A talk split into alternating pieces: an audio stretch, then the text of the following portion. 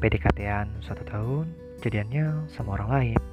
Ya udah, gak apa-apa. Gue yakin setiap kita pasti punya cerita yang berkesan.